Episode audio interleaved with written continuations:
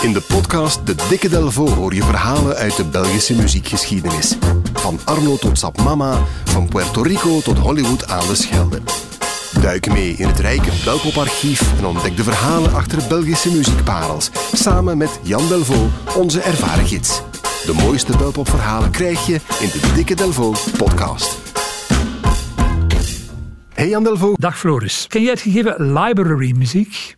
Uh, ja, dat zijn zo cd's die je koopt waar dan zeg maar wat algemene muziekjes op staan die je onder eh, je dia-show kunt steken, zoiets? Voilà, ja, dia-show is iets uit de jaren zeventig waarbij je lichtbeelden tonen. Ja, het, het, is, het, is, het is geen muziek voor bibliotheken. Het is geen muziek die je moet draaien in een bibliotheek, library muziek. Het staat ook bekend als stock music of production music en dan ja, voel je al aan waarvoor. Het is, het is inderdaad gebruiksmuziek, een bibliotheek met muziek die klaar ligt om gebruikt te worden voor film, televisie, vaak ook, uh, ook radio, als bedje of als, als jingles.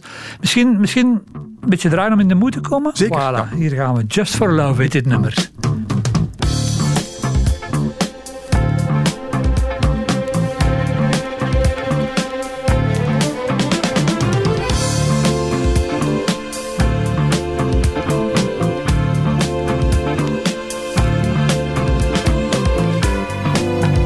Plots zijn wij een soort uh, belpop-documentaire aan het maken. Met die muziek daaronder, dat geeft toch meteen een andere We zitten aan de strandbar en we laten de cocktails voorbij komen.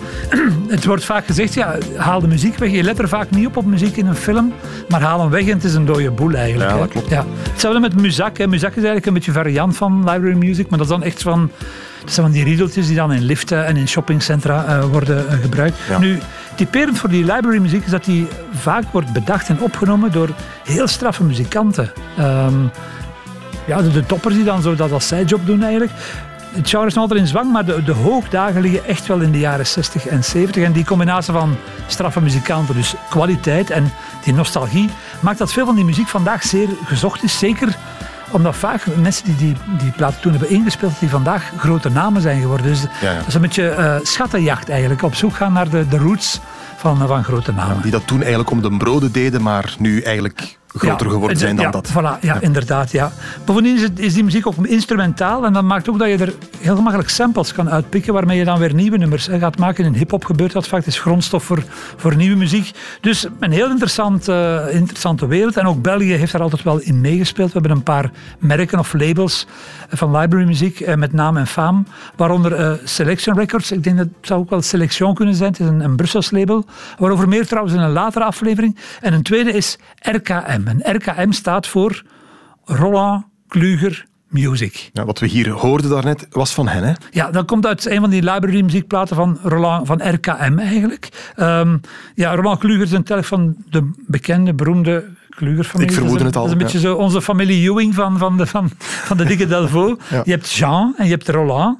Uh, het strafste broederpaar, denk ik, tot de de Wales uh, eraan kwamen ongeveer. Zeer begaafd allebei, zowel aan de artistieke als aan, aan de zakelijke kant van, van het uh, muzikale spectrum. Ze hadden, ze hadden een oor, ze hadden een neus voor zaken.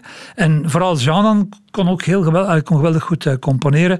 En ze hebben de, de successen in de jaren 70 heel mooi onder elkaar verdeeld. Jean die is bekend van Wiltura, van Marva, Johan Verminnen, maar ook Gibson Brothers en Ottaban, hè, van die disco-klassiekers. Ja. Roland heeft dan weer al uh, heeft grote hits gescoord met André Brasseur, Plastic Bertrand, Two Man Sound. Dus ook allemaal van die uh, geweldige uh, kleppers. Nu, Roland start in 1980 met een eigen library muzieklabel. En dat is RKM Production Music, heet dat eigenlijk voluit.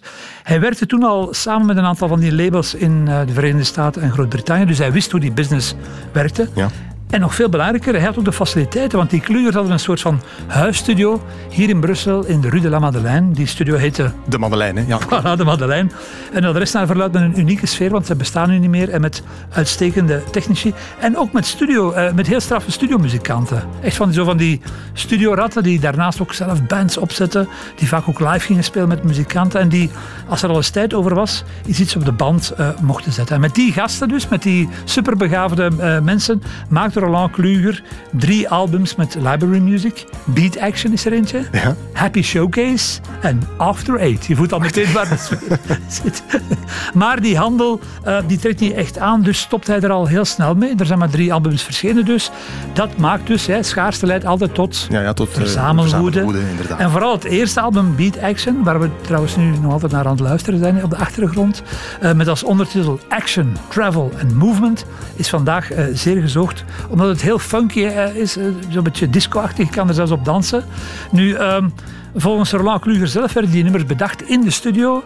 Uh, en die werden aangekleed, uh, gearrangeerd, zoals dat heet, door Nico Gomez. Nico Gomez. Ja, de vader van uh, Remo van, van het Groene Woud. Nu, ik ben het gaan uitzoeken en eh, het is ook niet zo belangrijk, maar het is wel goed om te weten dat een groot deel van die nummers al eerder waren opgenomen door illustere namen als Blackfoot, El Chicles, Chicken Curry. Die waren al wel verspreid, dus ze hebben dan gewoon instrumentale uh, uh, nummers gemaakt. Die namen die ik net noem, waren eigenlijk zo'n soort voorgevels waarachter de helden van de Madeleine Crew uh, schuilgingen.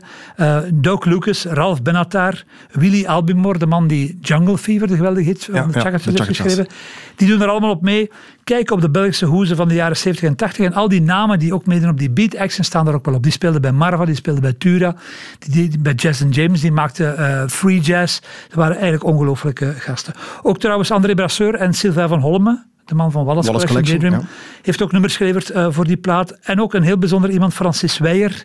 Die, heeft, uh, die is later beroemd geworden als Francis Goya. Die speelde van die Spaanse, uh, Spaanse ja, noem je dat? Sfeer, ja, ja. Sfeermuziek, die wereldwijd heel goed aansloeg. Dus alle soldaten van het grote rijk van de Klugers doen mee. Dus dat ja, zijn echt op het toppunt van hun kunnen. Dus dat maakt dat die plaat Beat Action, ja, dat die ook ja, eigenlijk fantastisch is. En die lag al 40 jaar in het vet te wachten eigenlijk om heruitgebracht te worden. Ah ja, dat, is, dat is gebeurd nu. Dat is nu, ja, want die ging echt etelijke, ja, die ging ook wereldwijd eigenlijk. En nu, SD Band, dat zijn de mensen die uh, enkele jaren geleden die geweldige jaren 70 verzamelaars uh, Funky Chicken en Funky Chimes hebben gemaakt. Met ook weer die gasten allemaal op.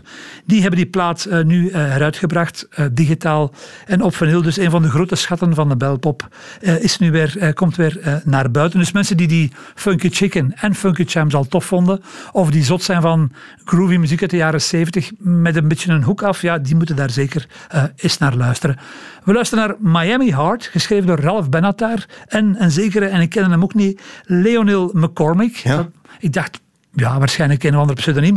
Maar dat is ook de echte naam van de zoon van een Amerikaanse GI en een Belgische moeder. Die in de jaren 70 in België is komen wonen, is geboren in Chicago. En die had dit nummer drie jaar eerder al uitgebracht uh, op single als J'ai le cœur bobo. Ja. Maar hier heet het Miami Heart. Dus van, voilà. Van Beat Action. Voilà. Jan Delvaux, prachtig verhaal. Bedankt, tot volgende week.